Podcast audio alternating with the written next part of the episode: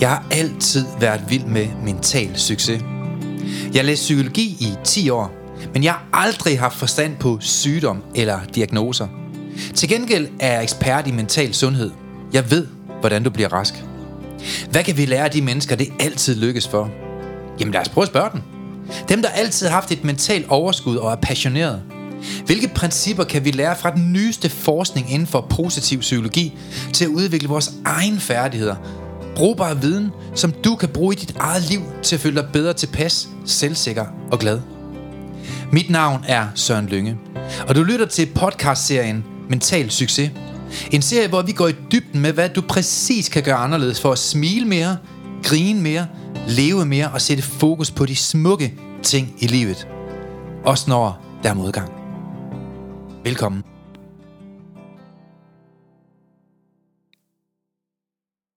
Hej Søren. Hej Per. Så er vi her igen. Det bliver vildt i dag. Jeg vil sige sådan her også, at øh, kunne man sætte sådan en aldersrating på, så er den nok 18 plus i dag. Ja. Så hvis du er lidt sart, og du er lidt, øh, bliver lidt hurtig harm, så kan det godt være, at det ikke er det her afsnit, du skal høre. Så gå videre til næste. Er du 15, kunne du måske lige frem lære noget, men det bliver lidt tungt, så der er nok noget censur, der skal til. Ja, det går. For i dag skal det handle om sexafhængighed, Ja, porno. ja. Øh, det, det, er lidt, øh, det er lidt nasty liv, og hvorfor mange Ja. har det her skjulte liv, og hvad det egentlig gør med os, når vi bliver afhængige af sex eller porno. Ja, og det er, jo ikke, det er jo ikke kun det, der også er afhængigt af. Det er jo... Jeg tror ikke, du kan finde noget, der ikke var nærmest. Nej, det er jo det. Men så der, det- bliver lidt, øh, der bliver lidt saft og kraft på i dag. Ja, Men jeg håber, I kan holde til det derude. det satser vi på. Har du været afhængig af porno, Per? Øh, ikke afhængig, men øh, glad for det i hvert fald, jeg var ung. Ja. Og meget, øh, meget fokus på det, tror jeg. Betragter du dig som ung, Per? Nej, Nej jeg, jeg, har, jeg tror, jeg har problemer med det i et omfang. Ja. Fordi det var lidt sådan en kåbemekanisme, at tingene var svære også, for at sige det helt som det er. Ja. Og det, det har jeg aldrig sagt før. Så nu mm. Mm. kaster jeg mig lige i ilden. Men, men jeg tror, det er virkelig for mange mænd, også mange unge mænd. Ja. Især i ensomheden. Helt vildt. Det er jo en øh, hurtig udløsning af dopamin, der sker her ja. og nu. Så når du har lidt kedeligt liv, sådan Karen Kedelig derude, ikke? så kan du hurtigt få nogle coping-mekanismer, der kan gå ind og gøre rigtig øh, spændstige liv øh, endnu vildere. Ikke? Meget jo, hurtigt. 100 procent. Øh, Så. og man kan sige, jeg var nok også lidt løs på tråden, jeg var yngre, for at sige det som det er også. Okay. Øh, bekræftelse, coping-mekanisme også i forhold til, at Mm. tingene var svære, og tingene ikke var sådan vilde. Ja. Hvor at min tanke om det i dag er helt anderledes. Mm. Og, og det tror jeg også handler om mig selv, men det handler også om selvværd. Det handler også om øh, at finde andre måder, vil jeg sige. Mm. Så jo, nok for hårdt forbrug af tingene i hvert fald. Så er du glad for porno i dag, så skal vi have en evaluering af det, Ja. ja. og endnu mere sex. Yes, Men vi har også en gæst i dag, det har vi. Og der er fart på. og der er saft. Der er saft. Velkommen, velkommen til dig, Mark. Jo tak, jo tak.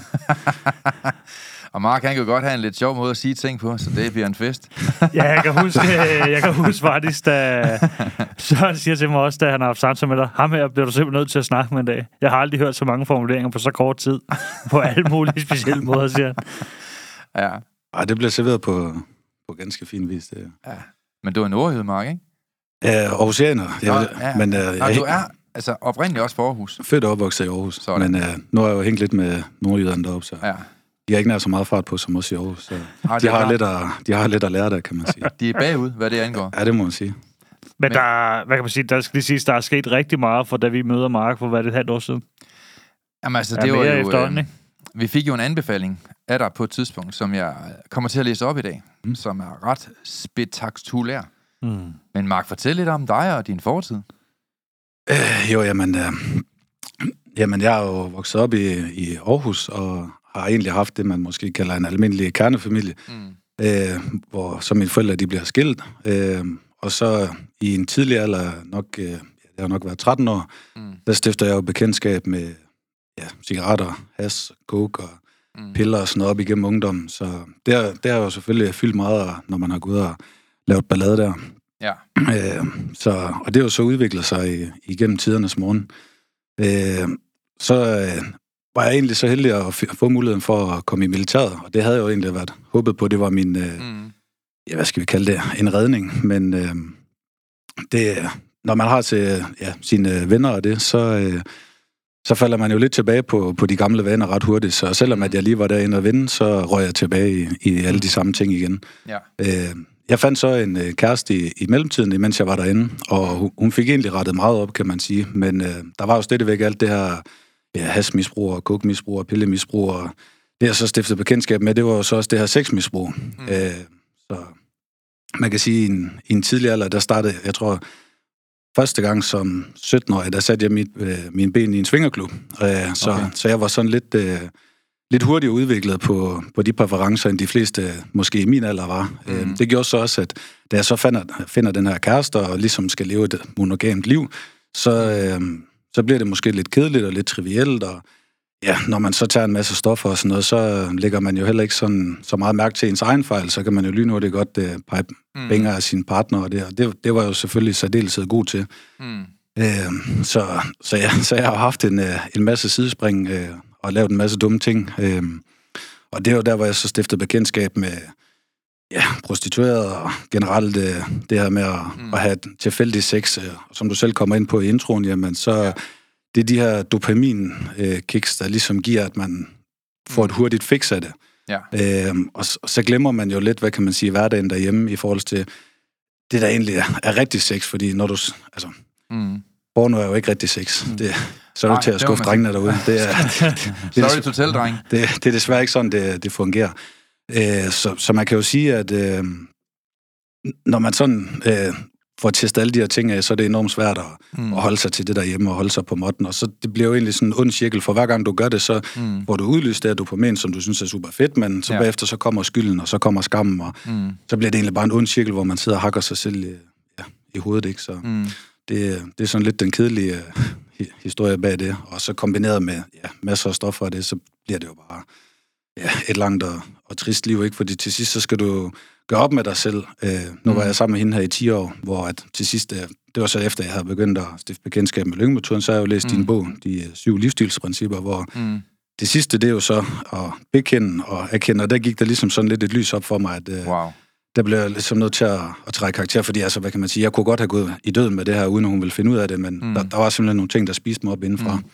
Så det blev jeg nødt til at, at ja, tage en snak med, om, øh, med hende om, og mm. det, det fik vi så gjort, at det endte jo så selvfølgelig med, at vi ikke er sammen i dag, hvilket jeg godt kan forstå, og vi var nok ja. heller ikke meant to be, men for mig var det en kæmpe sten ligesom at kunne få lov at, at sige det, og sådan at jeg kunne sætte mig selv fri for, for mm. de ting, og så mm. også at måske hun kunne få en, et indblik i, hvordan det var. Det, det er mm. jo ikke nemt at, at leve ind i sådan et hoved som mit, øh, kan man sige.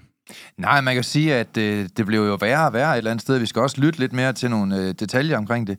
Men til sidst så var det også sådan, når du gav et tilbud, du er ude som maler. Kan du ikke prøve at fortælle lidt om det?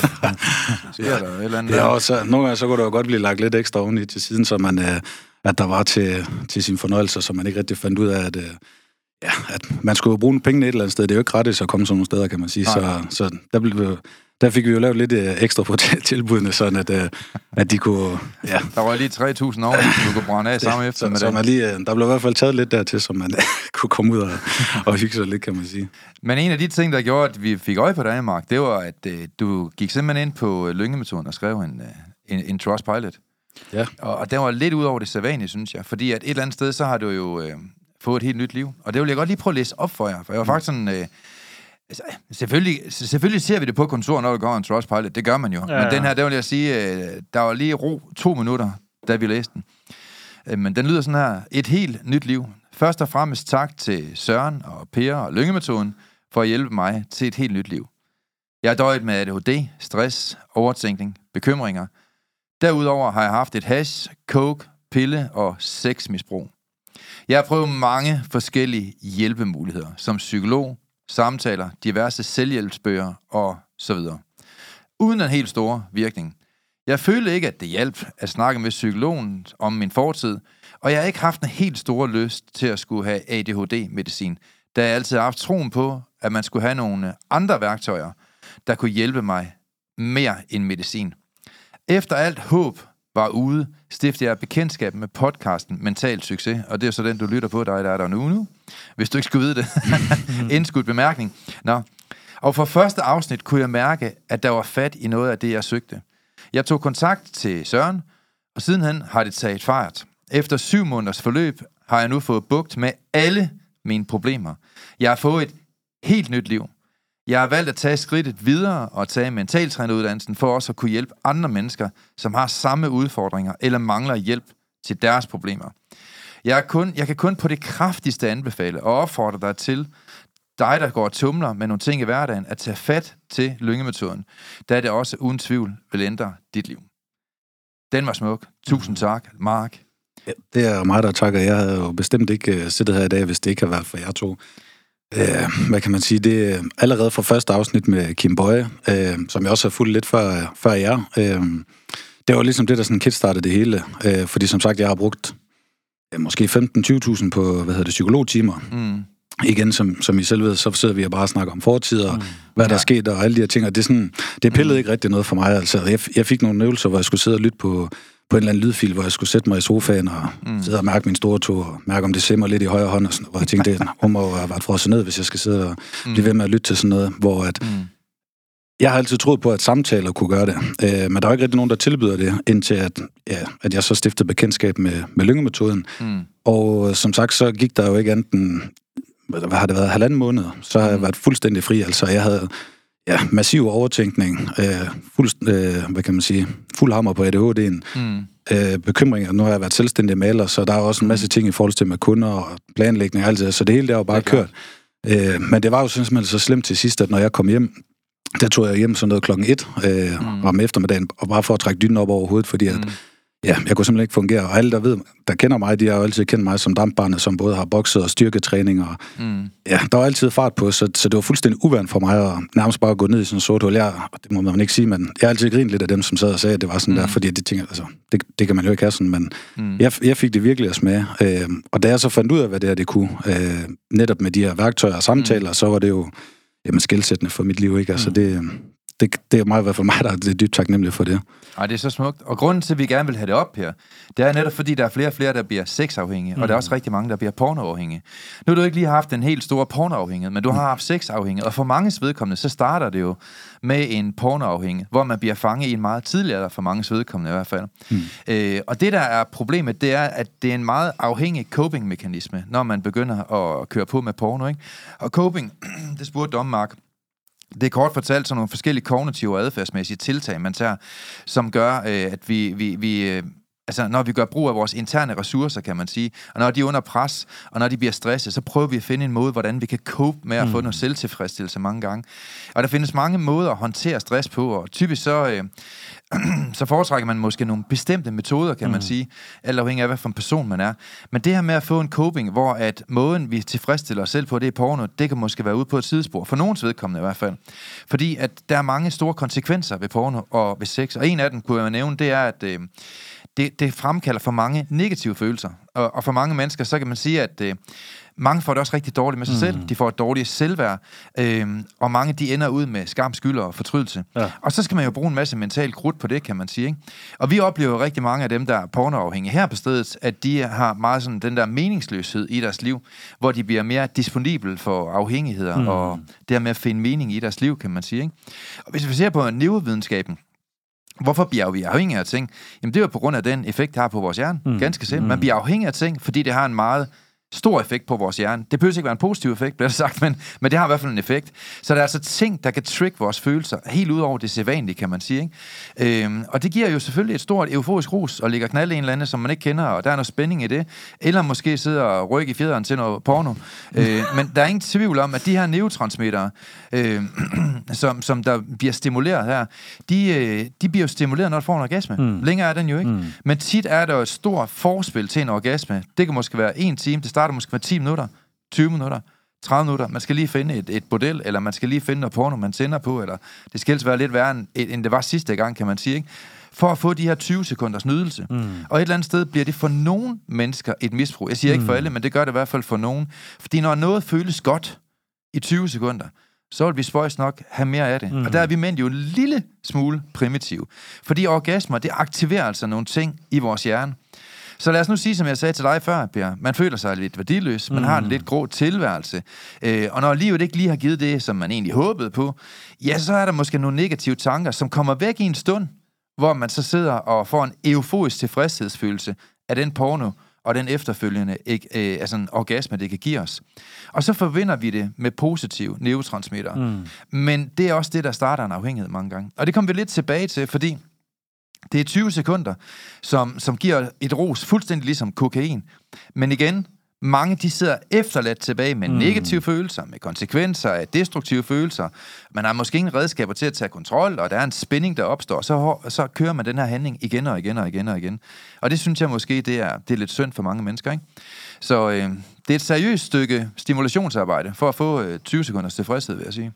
Det må man sige. Og, og, det, er jo, og det er jo meget det, der kender, eller, hvad det, kendetegner det meget godt, at øh, man kan sige, øh, det starter jo lidt med, at man er ung, og man ser mm. noget, noget porno igennem skolen eller et eller andet, og så, så finder man jo det. Altså jeg tænker, at det er de færreste drenge, der ikke synes, at en, en kvindekrop, det ikke er noget, der er spændende i det. Jo, jo, det er det. Ja. Så, så, og det starter jo stille og roligt og brødfødder mm. der, og så, så bruger du måske lidt tid på at se det. Når du så bliver lidt mere måske seksuelt aktiv med, mm. med kvinderne og det, så falder det måske lidt i baggrunden, men, men der er jo også mange, og det har det da også været for mig selv, at, mm. at man også bruger det som et tilløbsstykke til mm. det. Øh, ja. og, og for mig, der var det jo sådan mere, at øh, de første to-tre år af, af, af mit tidligere parforhold, var det, var det jo super fint, men mm. så, skete der et eller andet, når du ikke lige... Mm ja, har styr på, hvordan man holder det ved lige. Mm, det øh, klart, ja. Og så sidder ja. man og beskylder hende, og så sidder du og mm. søger på andre græsgange, men mm. man græsser jo ikke grønnest... Øh, altså, græsset er grønnere der, hvor du vander det, ikke? Det er jo ikke mm. altid på den anden side. Øh, og det var det, jeg så fandt ud af ved, at ja, efter jeg så har været sammen med prostituerede og haft alt det her øh, onani, eller så det, det, mm. altså, det var det, det, det er jo bare ikke øh, den måde, du sådan får... Altså, som du selv siger, det er 20 sekunders glæde, ikke? Det, mm. Men, men det, er jo, det har jo et langt tilløbsstykke, fordi du bruger enormt lang tid på enten at finde ud af, hvor det er henne. Men jeg tror også, det er mere selve øh, spænding mm. i det. Fordi at bare gå ind, og, gå ind og, og, og gøre det, du skal gøre, det, det er ikke det, der, der kilder de rigtige steder. Nej. Det er jo som sagt, at du bygger op, og du har en fantasi. Og vi, vi mænd er jo, hvad kan man sige, rigtig gode til at bruge fantasien, hvor mm, derimod kvinderne har, ja. kvinderne har jo lidt mere med, med det følelsesmæssige, så, så de sidder mm. ikke altid helt det samme sted, mm. øh, som vi mænd vi gør. Og, ja. øh, det er jo nok der, hvor den, hvad kan man sige, den store forskel er for, at, at det er så nemt for os øh, mm. mænd, kan man sige. Ikke? Hvor gammel var du, Mark, dengang du begyndte at interessere dig for porno og sex og billeder af nøgen høns? Ja, altså det, det startede jo nok i... i det, ja, det har nok været det, i, i 14-årsalderen, man startede mm. med det, ikke? Og så, mm. da man så måske er blevet seksuelt aktiv i, i 15-16 års alderen, så, mm. så er det ikke så sjovt at sidde og hive sig af banditten, så vil man hælde ud og græmse på ja. bryst eller et eller andet. Ja. Og så, øh, så finder man jo nogle høns der, og så giver man den ellers gas. Mm. Øh, og, og så er det jo hele tiden, som du selv siger, man vil jo hele tiden overgå sig selv mm. øh, for hver gang. Så skal det være vildere, og så skal man prøve noget, ikke? Og det, det var også derfor, at, øh, mm. hvad kan man sige, jeg ved ikke, om man kan sige, det var mit uheld, men da jeg stiftede bekendtskab med det med en svingerklub, det er sgu ikke det helt samme som at møde pigen ned for folkegangen. Det, det kan, det var, der, der, der, sker nogle helt andre ting Der er måske nogle andre ting der, ikke? Det gør det. Så, så, så det, der var for mig, det var jo også, at øh, øh mit, øh, hvad kan man sige, mit øh, seksuelle spektre, det blev lidt mere øh, mm. bredt, end, så, så jeg kedede mig jo nok lidt mere end, end den gængse mm. Teenage-dreng, som jeg gjorde. Så, mm. så det med at være sammen med ældre kvinder og flere og alle de her ting, det, det var jo noget, der øh, tændte en gist, øh, gnist i mig. Mm. Men når du så lever et monogamt forhold, så spiller det bare ikke lige helt øh, sammen, fordi hun har jo ikke lige helt den, den samme tankegang, som du har. Øh, så, så derfor så bliver man jo nødt til at, ligesom at finde ud af, jamen, hvad, hvad giver mening, og hvad giver ikke mening. Og lige i mit tilfælde, der var jeg jo rimelig undersocialiseret, så, mm. så for mig, der tænkte jeg overhovedet ikke over, hvad hendes følelse det var, eller noget. Det var ren og skær stimulation for mig, så det var bare mm. ja, komme ud og gøre det, jeg skulle gøre. Ikke? Og i dag kommer vi faktisk ind på, hvad neurovidenskaben den siger, at det gør i vores hjerne, mm-hmm. og hvor store konsekvenser det har for vores parforhold. Det skal vi se lidt mere på i dag. Men indledningsvis vil jeg da så lige sige, i forhold til det her med teenager, altså man kan jo sige, porno, det er den største lærer i seksuel undervisning i dag. Mm. Fordi mange teenager, de stifter jo først bekendtskab med det seksuelle igennem film, lang tid før de får lov til at få den her fysiske nydelse, mm. og hvor smuk den nu end kan være, når man gør det inden for de rigtige rammer, kan man sige. Og for mit vedkommende vil jeg bare sige, det er godt at kalde mig bare konservativ, men jeg synes jo, det er sørgeligt, at vores attitude og forhold og seksualitet, det bliver massivt påvirket af porno, altså og formet af porno, endda før vi får lov til selv at opleve det. Mm. Det synes jeg er meget, meget forkert. Og jeg tror, det har meget, meget store konsekvenser for mange børn. Jeg læste her inden øh, udsendelsen i dag, at øh, Natalie Brussel, som er doktor i, øh, hun har en doktorgrad øh, på, socio, øh, på, altså i sociologi på øh, University of California, de har analyseret 100 af 250 pornofilm. Og hvor er de gået ind og analyseret øh, 300 af de mest intensive scener. Og de pornofilm, de har valgt, det var de mest sådan, sete, øh, de mest sådan, du ved, mm. købte, øh, og det mest broadcastede øh, på jordkloden. Det er simpelthen øh, åbenbart et rating-system indenfor. Det vidste jeg ikke, men det er så, hvad det er. så kan man øh, se. Det, hun siger i konklusionen, det er, at 9 ud af 10 scener, der er der fysisk aggression, der er der vold, man river kvinden i håret, der er verbalt overgreb som fucking luder eller fucking bitch, det bliver sagt mm. et utal af gange. Der er overgreb, der er ydmygelse, og der er kvælingsscener. Øh, og pigernes respons er, er, er, er komisk nok, det her med, at de reagerer positivt eller neutralt på alle de her øh, over, overlaster, eller hvad man kan sige. Ikke? Øh, og de spørger nærmest efter mere. Og et eller andet sted, så ser vi jo i Sverige lige nu, hvordan gruppevoldtægter... Altså en, en ting er, at de begynder at bombe alle opgangene, og de skyder hinanden rundt omkring. Det er jo det mest... Øh, det er det land i Europa, hvor der er flest, der bliver skudt, kan man sige. Ikke? Men nu begynder de også med gruppevoldtægt. Det er de før gjort i en lang periode derovre. Og man kan bare sige, at den generation, som der vokser op i dag, de vokser op til massiv porno, som lærer dem et fuldstændig vrangbillede. Mm. Og på mange områder, så tror jeg, at det er noget, vi skal virkelig tage seriøst som samfund. Fordi hvad er det for en type mennesker? Det er altså dem, der kommer til at styre vores regering på et eller andet tidspunkt. Mm. Så et eller andet sted, så synes jeg, at det er jo synd, at vi, øh, at vi måske ikke oplyser folk om alt det, der er konsekvens ved porno. For jeg er ikke noget mod porno. Det er ikke noget, I må ikke høre det på den måde. Men jeg tror bare, der er seriøse konsekvenser, hvis man bliver afhængig af det. Og det mm. tror jeg, mm. rigtig mange mennesker bliver. Jo, men altså, det, det, og det, det har du fuldstændig ret i. Altså, det er jo, det er jo lidt øh, et skræmmende billede, man, man statuerer ved at netop, mm. fordi altså, en ting er, at du på egen hånd finder ud af, hvad der fungerer for dig i soveværelset. Der, der findes nogle små svin ud, og sådan er det. Og, ja. og det, det skal der også være plads til. Mm. Men, men det at blive præget fra for ungdom, det, mm. det, det er jo lidt ligesom, hvis vi øh, at unge mennesker, de ser mm. gangsterfilm, så tror de jo alle sammen, de er Tupac. Det er også blandt andet derfor, du ser alle folk, de render rundt og skyder hinanden og stikker hinanden ned. Ikke? Altså, ja, ja. Jeg ved ikke, hvor tit man hører om ned til 13, 14, 15-årige mm. drenge, som, som går og stikker hinanden ned. Ikke? Altså, mm. Det, altså, de skulle måske starte med at smøre deres egen madpakke, i stedet for at stikke hinanden ned. Altså, det ville jo være et godt sted at starte. Ikke? Jo, øh, der bliver ikke bygget noget positivt op på nu. Og, altså, havde der så kommet noget positivt afkast ud af det andet end de 20 sekunder, så synes jeg ikke, det, det er så galt. Men, men der er mange konsekvenser, vil jeg sige. Jo, det, altså man kan også sige, et eller andet sted, så, hvis man sådan skal være lidt fløde, jamen så den første gang, den skulle jo helst være en, en god oplevelse for mm. begge. Hvis, hvis så en dreng, han har set uh, massiv mm. porno og sættet rykket sig selv i banditten, jeg ved ikke, hvor lang tid nu tænker, nu hende ned fra folkeren, hun skal bare køre sport på, ikke? Sådan, så, får, ja, ja, så får hun jo bare en, øh, en mega stram oplevelse med det, mm. og, og han får jo et helt forvrænget mm. billede af, hvad det egentlig er, altså hvordan tingene de hænger sammen. Mm. Øh, fordi der er ikke noget galt i at, at have nogle forskellige præferencer, men det, det skal mm. måske ikke være det, du lærer, før du sådan mm. eksperimenterer. Og det, det synes jeg jo selvfølgelig er, ja, er brandærgerligt, at, at man ikke sådan selv på egen hånd får, får fundet ud af, hvad man er til, i stedet for, at man sådan mm. skal se tingene på, ja, på video. Fordi der, altså, Sorry to tell, det er rent skuespil derude. Det, det, er, de, det ser vi også på skoler. Altså, mm. der er mange skoler, der er fremme i medierne lige nu, hvor der mm. er mange seksuelle overgreb. Ja, og et eller andet sted, så, så tror jeg på pornostimulation, det er en så stærk afhængighed. Ikke mindst på grund af det store euforiske ros, det giver i vores neurotransmitter. Men jeg tror samtidig også, at det, det massivt flytter vores moralske grænser for, hvad der er rigtigt og hvad der er forkert. Mm. Eller måske mangel på samme. Mange har jo ikke moralske grænser, hvad det angår. Så jeg tror, at... Øh, jeg tror simpelthen... Jeg ved godt, det er meget kontroversielt at sige, men jeg tror, at porno kan være med til at gøre dig både bøsse og, og, og, øh, og pædofil. Fordi mange af de her mennesker, som som er pædofile, hvad har de startet med? Jamen, de har jo startet med at se massiv porno. Og den her pornoindustri, de er jo ikke født i går. Altså, de arbejder jo på at stimulere dig følelsesmæssigt, øh, interaktivt, øh, alle de her sider her, som jo er en milliardforretning. Øh, og det er jo en platform, der lever af at holde dig seksuelt engageret. Mm. Øh, og jo flere jo, jo minutter, jo bedre er det, kan man sige, for dem. Fordi det giver jo dem nogle point i mm. kassen, mm. kan man sige. Ikke? Og det gør de jo så ved at servere mere ekstremt indhold øh, inden for den retning, som du så søger. Og øh, derfor lytter de så til... Altså, de flytter i hvert fald dine moralske grænser mm. mange gange. Men det må du da også have mærket i starten, Mark. Altså, har det, ikke, har det ikke gået sådan lidt stille og roligt for sig med sex i starten? Og jo, så bliver jo. det lidt vildere og vildere, eller hvordan? Jo, jo, det er jo klart, at du, altså, du kender jo ikke til noget. Altså, det er jo lidt, at, som du nævner også, at altså, vi bliver jo mm. født dumme. Vi, øh, vi tillader os jo tingene hen ad vejen, ikke? Ja, det det. Æ, øh, så, så, du starter måske lige med at lære om blomsten og bien til, til den første seksuelle undervisning, og så finder du så ud af, om man kan være porno. Når du mm. så ser det, jamen så er det jo klart, at hvis du går ind på hvilken som helst pornoside, så er der, jeg ved ikke, hvor mange kategorier. Hvis du så slår dig løs i den kategori, så, så bliver mm. du, hvad kan man sige, rimelig slemt overrasket over, hvad der mm. egentlig findes af ting og sager. Og hvis du så først uh, giver dig på opdagelse med det, jamen så tror jeg da helt sikkert, at, uh, ja, at man, man finder lige pludselig ud af, at der er mange, uh, mange underlige ting, man, man kan være til. Og det, det tror jeg så, det kan jo være det, der ligesom giver det fix for, at du hele tiden skal finde ud af noget nyt. Og som du selv siger, mm. jamen, altså, uh, pædofile og sådan noget, jamen altså, hvad, hvad har de ikke startet med at se, ikke? Fordi altså, der, der kan jo være alt, nu ved jeg godt, måske på de almindelige, der er, det, så, mm. der er der ikke lige børneporno, men du kan jo lynhurtigt sidde på de der mørke sider og også søge videre, ikke? Mm. Øh, så, så det kan jo lynhurtigt afgrøde noget, hvad kan man mm. sige, en, en forkert tilgang til det, fordi igen, som mm. sagt, der er absolut ikke noget galt i at lige at tage en hyggespiller i ny og næ, altså mm. både for mænd og kvinder, det er ganske mm. normalt, men mm. når det bliver, altså om du spiser for meget slik, eller om du hiver dig for meget i bavianen, det er, mm. tænker jeg, det giver jo en,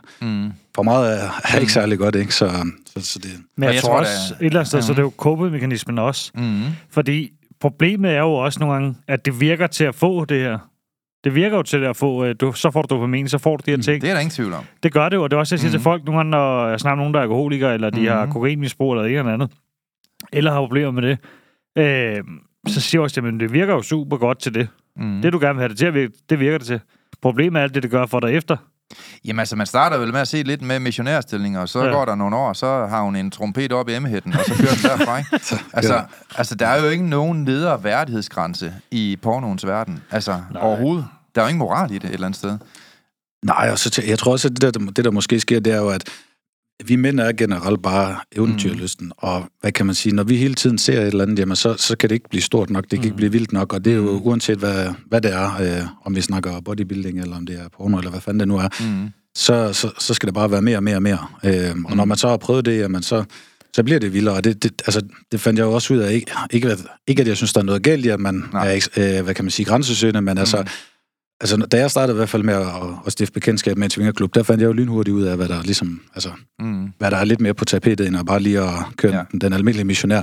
Så, så det, for mig blev det jo også en, ligesom en ting at komme ud og prøve nogle, nogle forskellige ting, og se mm. nogle ting, og så finder man jo nogle partnere, man måske sådan synes, at det er spændende med, men man skal jo stadigvæk, øh, det jeg synes, der er vigtigt, det er at have sig selv med i det, mm. i stedet for bare at, at blive reddet fri. Og der tror jeg, det der dopamin-kick der, det kan, det kan godt give, øh, det kan godt give lidt nogle udsving for, for en, fordi mm. hvis, du, hvis du hele tiden søger den next high, ja. så, øh, så kan det ikke blive ekstremt nok. Øh, og, og, det, og det er jo blandt andet det, man ser med, ja, med onani. Det er så nemt, mm. du, du har din telefon ved hånden, ikke? Det er jo alt, der er blevet digitaliseret i dag. Mm. Altså, jeg tænker, for 100 år siden, der, der skulle du have din kone, eller mm. i hvert fald en rigtig tæt på, for det, det, det giver mening, eller hvad det kunne lykkes for nogen. Mm. Hvor i dag, der tager du bare telefonen frem, så går du ud på toilettet, så gør du det, du skal gøre, ikke? Bum, så er det stimulans lige med mm. sammen. Så, og, det, og, det, og det er så nemt og tilgængeligt mm. at få, ikke? Og det, det er det samme med, med, med, med stoffer i dag. Mm. Altså, det er jo kun et opkald væk i dag. Du ser det på mm. Snapchat, på Facebook-grupper, på, mm. på alle de her forskellige ting. Så, så det er bare nemt og tilgængeligt, og det, det ja. tror jeg, at det er vi mennesker bare ikke givet mm. til, at, at det er sådan. Så, så det, hvad kan man sige, tingene eksploderer bare så hurtigt, mm. og det er jo brandærgerligt, fordi man, der sidder mange unge mennesker derude, som egentlig har et godt hoved, ikke? men mm. ja, når, mm. de, når de dypper det i flormelis og alt muligt, så bliver de sæt nemlig ikke særlig skarpe. Mm. Det skulle være synd at sige. Altså nu vil jeg sige, at mange gange, når man taler om porno, og man taler om sexafhængighed, så er det jo tit, der sidder nok nogle kristne derude, der sidder nok nogle religiøse derude, der sidder nok nogle personlige kristne, og tit så er det jo, så er det jo nogen, der ligesom taler imod det her på grund af seriøse samvittighedskvaler. Og det vil jeg bare gerne understrege. Det er ingenting med det at gøre i den her udsendelse. Den her udsendelse, den peger på noget, der er langt værre end bare det, du har dårlig samvittighed. Mm. For der er stadigvæk, uanset om du er kristen eller ej, seriøse, seriøse konsekvenser ved porno, hvis man ikke får styr på det, kan man sige. Ikke? Øh, og og der, er ingen, der er ingen tvivl om, at uanset om jeg har nogen, der er religiøse eller kristne herinde, eller har en anden tro, så er der i ens for dem alle sammen, af dem, jeg har haft i behandling, det er, at de føler skam. Mm. Et eller andet sted føler de stor skam over det, de ser. Fordi man kommer jo ikke ind på arbejdspladsen og siger, jeg kom to timer for sent, fordi jeg så nogen sidde bolden ged her de sidste tre timer. Det løb, lige, det løb lidt på skår. Undskyld. Øh, det siger man ikke. Man føler skam over det, man har set. Man vil ikke have det frem i lyset. Mm. Og det er ikke noget med tro at gøre, vil jeg godt lige strege, øh, ja. strege under for dem af jer, der er derude. Porno, det gør for rigtig mange unge fyre, at de ikke længere kan få rejsning. Mm. Og det er et seriøst samfundsproblem, at vi skal have mere og mere Viagra, for at kunne være seksuelt aktiv med den person, vi i virkeligheden elsker. Mm. Og jeg vil godt på at komme ind bare en af konsekvenserne, eller måske nogle af konsekvenserne mm. her i starten af udsendelsen. Og det er det her med, at øh, altså, helt almindelige fyre, de er meget, meget svært ved at få rejsning, fordi de har fyldt deres hjerne med så meget porno, at de sidst kun er connected til pornoen, og ikke den kæreste, som de finder. Mm. Og det har jo også store konsekvenser for hende. Så sidder de og bliver tykke hen i hjørnet, fordi de ikke føler sig elsket, de føler sig ikke attraktive osv. osv. Og problemet med porno, det er, at det igen, det er nutidens seksualundervisning. Øhm, og jeg synes, at det her med pornografi, det er jo ikke noget, vi tager med ind i forholdet. Mm. Øh, så man kan sige, du lærer jo ikke at kommunikere igennem pornofilm. Altså, okay. altså en, af, en af de bedste ting, du kan i et parforhold, hvis du vil have et seksuelt liv til at fungere, det er at kommunikere sammen i bare røv. Mm. Det er, det er ret smukt at kunne kommunikere og tale mm. sammen omkring ting. 100%. Det lærer pornoen der jo ikke. Øh, pornoen lærer dig ikke øjenkontakt, mm. som jo er en vigtig akt. Jeg ved godt, mænd kan, som du så flot sagde på kontor, Mark, øh, vi kan sidde og blive liderlige, bare ved at øh, glo på en øh, udstødningsrør. Men, men kvinder, de skal tit have en masse følelser i kroppen, mm. og det lærer man jo ikke af, af pornoen, kan man sige. Så den her, det her nærvær, som der skal til for at få et parforhold til at fungere, det lærer pornoen jo ikke også. Den lærer heller ikke, hvordan man skal give for at tilfredsstille en anden. Porno, det lærer at tage. Det er det stik modsatte af kærlighed. I min verden i hvert fald. øh, kærlighed, det er jo at være hensynstagende og, og, og hensynsgivende, som en smuk akt for at få det her til at fungere godt. Så, så man lærer jo ikke ret meget af porno, øh, og man lærer ikke om den her intimitet i porno. Og det synes jeg faktisk, det er øh, at sidde en lille smule skævt på porten. Altså, det, det, det er ikke så ideelt, at man får en sin seksuelle undervisning herfra i hvert fald. Hvad tænker du, Per? Og jeg tænker, ja, men det, ja, og jeg kan også godt følge dig i det også, at den del der, at... Øh, Ja, for de lærer jo, at, at kvinder er objekter. ja, De lærer jo, at det er bare noget, der skal tilfredsstille mig. Ja. Og det er jo stik genstand. modsat af kærlighed. ja. Kærlighed, det er jo at give, øh, eller ja, øh, hvor, hvor sex mange gange for folk, der er opvokset med pornoafhængighed, der, der skal de kun modtage. Og det giver jo dysfunktionalitet, for mit, øh, for mit syn i hvert fald, Mm. i parforholdet. Og derfor tror jeg, at der er rigtig mange parforhold, som ikke fungerer. Fordi mange gange, så tror jeg bare, at mange mennesker, de får det mere skidt, end de får det godt mange Mm. gange, tænker jeg. Og konsekvensen er igen, du kan ikke få rejsning, øh, når du ikke føler dig godt tilpas. Og det synes jeg, det er sindssygt. Ja, men jeg tror også, at det, hvad kan man sige, det store issue i det, det er jo det der med, når det bliver afhængigheder. Mm. Uanset om det er porno, om det er sex, om det er stoffer, eller hvad det er. Ja. Så det er jo et eller andet livsstil, du kåber fra og løber fra. Ja. Som jeg selv nævnte i starten, så havde jeg en periode, hvor jeg var løs på tråden, og, og Mm. også så for meget porno og alle de her ting også. Mm. Øh, der drak jeg også for meget dengang. Ja, Så, okay. så det er ligesom hele det her... Mm. Det er alle de her ting, man kan finde, der kan få et afbræk, og man kan få... Øh, Mm. og så får det lige godt lidt ind i. Eller mm. så får lige selvværdsboost, eller så får lige sådan her også, eller så får man orgasme, og så kører det igen. Ja. Problemet er, når det så bliver, altså, så, at man nærmest ikke kan sove om aftenen. Mm. For det er sådan her dengang, der, det skulle man lige have taget trykket, eller så... Ja. Men det der med, da, da jeg får styr på mig selv mere og mere, man kan sige, nu har jeg så også været i forhold i mange år, Mm. der, var, der havde jeg så en høj lyst til sex, men jeg havde ikke høj lyst til at skulle alt muligt andet. Og det er jo så det, der har været fint i det, at jeg ikke har haft behov for det. Og jeg har egentlig heller ikke haft det efter. Og jeg ved ikke om, øh, hvad kan man sige, øh, det jeg hide efter i det, det var jo kærlighed. Mm. Som også et eller andet sted, når kærligheden var der, så havde jeg ikke behov for det. Men så, den tilgang, du kommer ind til det med, fik du så den kærlighed og udfyldte det tomrum, som du gerne vil, Per? Eller Ja, der var jeg måske lidt kedelig i forhold til, hvad der var, jeg sad og så, tror Okay, jeg. ja. I forhold til, når det er ekstremerne. Det må du da også opleve, Mark. At den der, den der søgen efter at få det her indre øh, hulerum, tomrum, fyldt ud med, med kærlighed og, og sex, det, det, det er jo måske ikke lige det, der, der skete, eller hvordan? Nej, og det, altså, det, er jo- det er jo egentlig super interessant, at du nævner det der med, at, øh, at, at det egentlig er kærligheden. Fordi i bund og grund, uanset hvor hårde fyrene de sidder derude og spiller, mm. så i bund og grund, så er de også nogle følsomme væsener, mm. om de vil være ved det eller ej. Mm. Øh, og, og, og for mig selv, der troede jeg også, at jeg var en rigtig hård negl, og jeg styrede dem med hården, og jeg skulle mm. være macho og det ene og det andet. Men jeg fandt ud af, at jeg var også bare en blød dreng indeni, som egentlig bare gerne ville have kærligheden. Mm. Og det der så, efter at jeg sådan har lidt at, hvad kan man sige, sidder og lommefilosoferet lidt over tingene, mm. så fandt jeg så ud af, at det er jo egentlig på grund af mit dårlige selvværd. Ja. Øh, at man havde et mega lavt selvværd, og det mm. prøver du ligesom at skjule bag det her med, at du er en macho mand, og du vil have det her sex, og du vil have alle de her ting, men, mm. men problemet er, som du siger, du frarøver kærligheden fra den partner, du egentlig har, fordi at du mm. ikke giver kærligheden til din partner. Lige. Øh, og, og, og når du ikke giver den kærlighed, mm. jeg, sad, jeg sad jo i hvert fald og forventede, hvorfor, hvorfor gør du ikke de her ting, og hvorfor mm. siger du ikke de her ting? Og det er jo igen, mm. når du har den der fantasi om, at enten om du vil være sammen med flere, eller hun skal gøre et eller andet på en bestemt måde, det, det er jo noget, du bygger op ind i dit hoved. Mm. Men, men problemet, som du siger, du taler jo ikke sammen med Nej. din partner om det. Du, du siger ikke, hey, jeg tænder på det her, eller hvad mm. tænder du på? Kan, er der et eller andet, vi kan gøre, eller hvad synes mm. du? Og når man så distancerer sig, så er det jo klart, så, altså, så gider jeg jo ikke at røre hende med en ildtang, så kan hun mm. gøre, hvad fanden hun vil, ikke? Mm. Og når du så ikke øh, ja, får en sutter eller et eller andet, ikke? Så, mm. så sidder du og tænker, hold kæft, en dum kost, altså hende gider jeg ikke, og så distancerer du dig endnu mere. Øh, og så er det jo klart, at hvad kan man sige, så synes du lige pludselig, at græsset det er meget grønnere over på den anden side. Og hvis du så finder en prostitueret, eller du hopper i en svingerklub, eller du finder en på nettet, eller mm.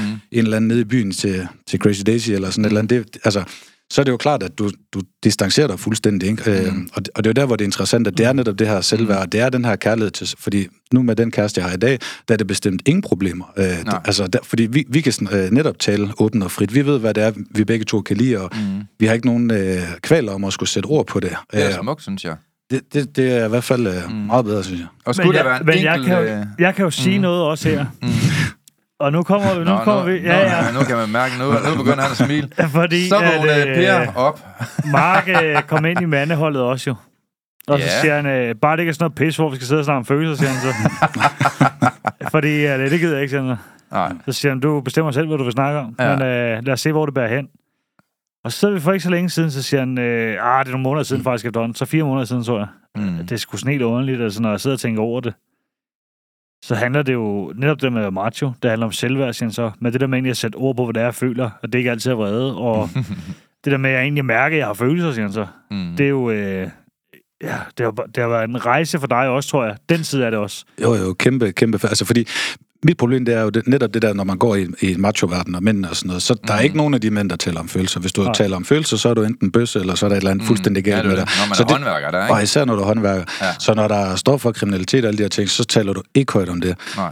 Øh, så for mig, der har jeg jo pakket de her følelser væk igennem mange, mange, mange år. Mm. Øh, og da jeg så også fandt den kæreste, jeg er sammen med nu, der siger jeg også til en bror, det er et helt fremmed land for mig at sige, hvordan jeg har det. Øh, så Wow. jeg, jeg føler jo lidt, at jeg står med røven bare nede på hovedbanegården, hvis jeg siger til dig, at jeg har det sådan og sådan og sådan. Så det er også vigtigt, at du sådan omfavner det, eller i hvert fald øh, God tager det imod respektfuldt, fordi at Ja.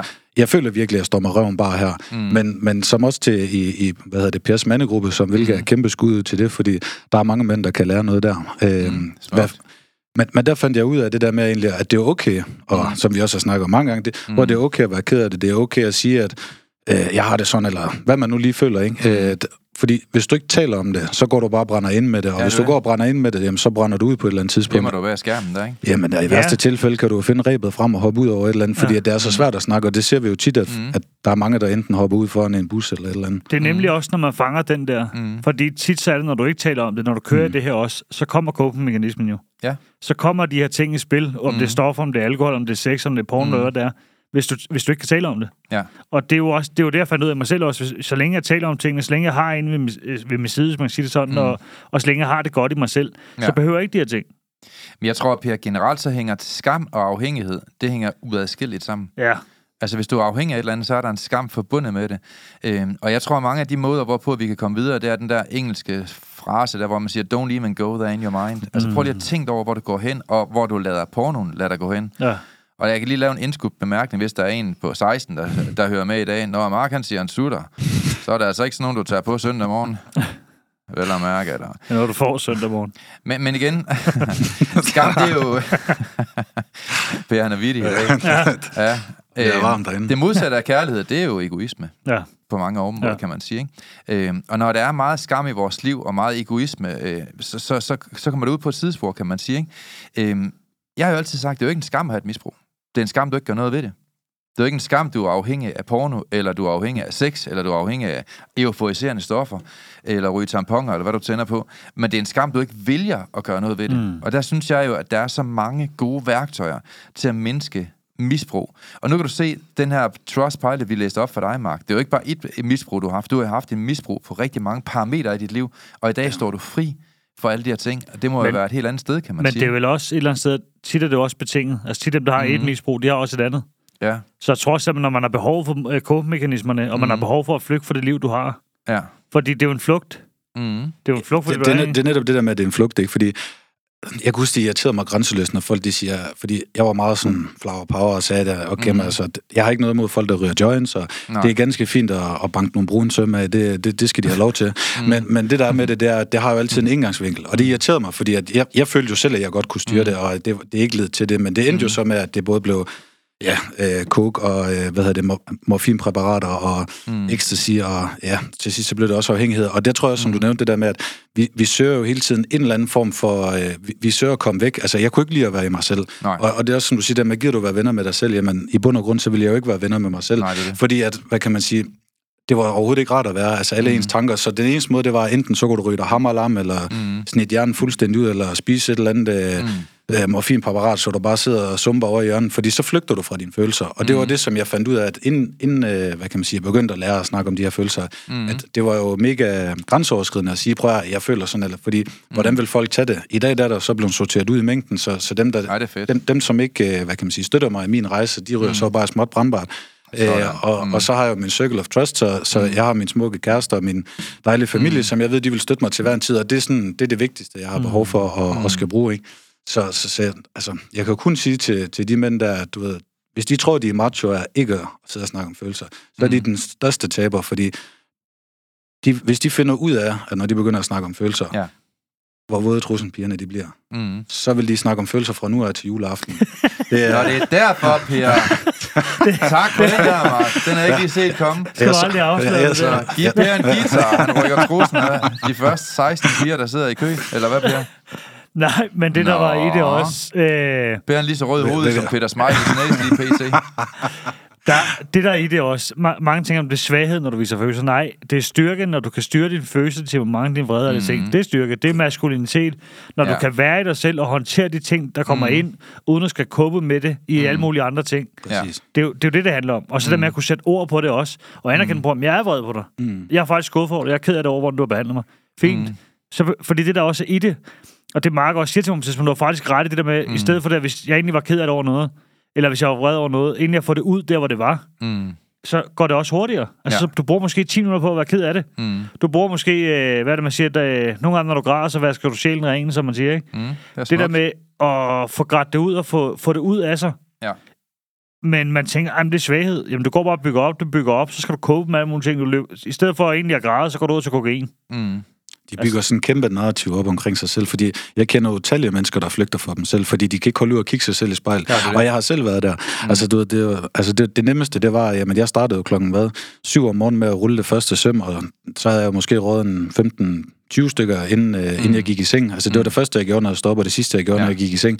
Og jeg tror, det stod måske på sådan i 6 eller 7 år. Altså, min familie har aldrig set mig i en ædru tilstand. Det var til familiefødselsdag, juleaften Ja, og det er nytårsaften og alt muligt. Mm. Så folk, de kendte jo mig slet ikke for den, hvad jeg var. Så på et tidspunkt, så blev det også sådan helt fucked up, at jamen, når du så stopper, mm. hvem er du så? Ja. Ja, det er det. Øh, og så, så starter jo egentlig noget helt nyt. Øh, mm. og, Finder identitet i noget, ikke? Fuldstændig. Men mm. altså, jeg vil jo kun sige, at det er, det er jo en, en kæmpe rejse, og det, jeg er jo kun taknemmelig for, at hvad kan man sige, alt det her, det er blevet lagt på hylden, fordi det, det, det er jo meget smukt at kunne stå op og kigge sig selv i spejlet og egentlig være glad for, hvem man er, i, i stedet for, at du skal tage et eller andet og bilde dig sind, og, og igen for at tage det der med tilfældig sex, jamen, det giver dig jo ikke det, altså, Øh, ikke fordi det skal lyde sådan helt flødefrans, men altså det, at, mm. det at egentlig at committe sig til en partner, synes jeg er meget smukkere i dag, Ja. øh, at, at jeg kan være tro og lojal over for min kæreste. Jeg ved, at hun ved, hvor jeg er 100%, og jeg ved, hvor hun er.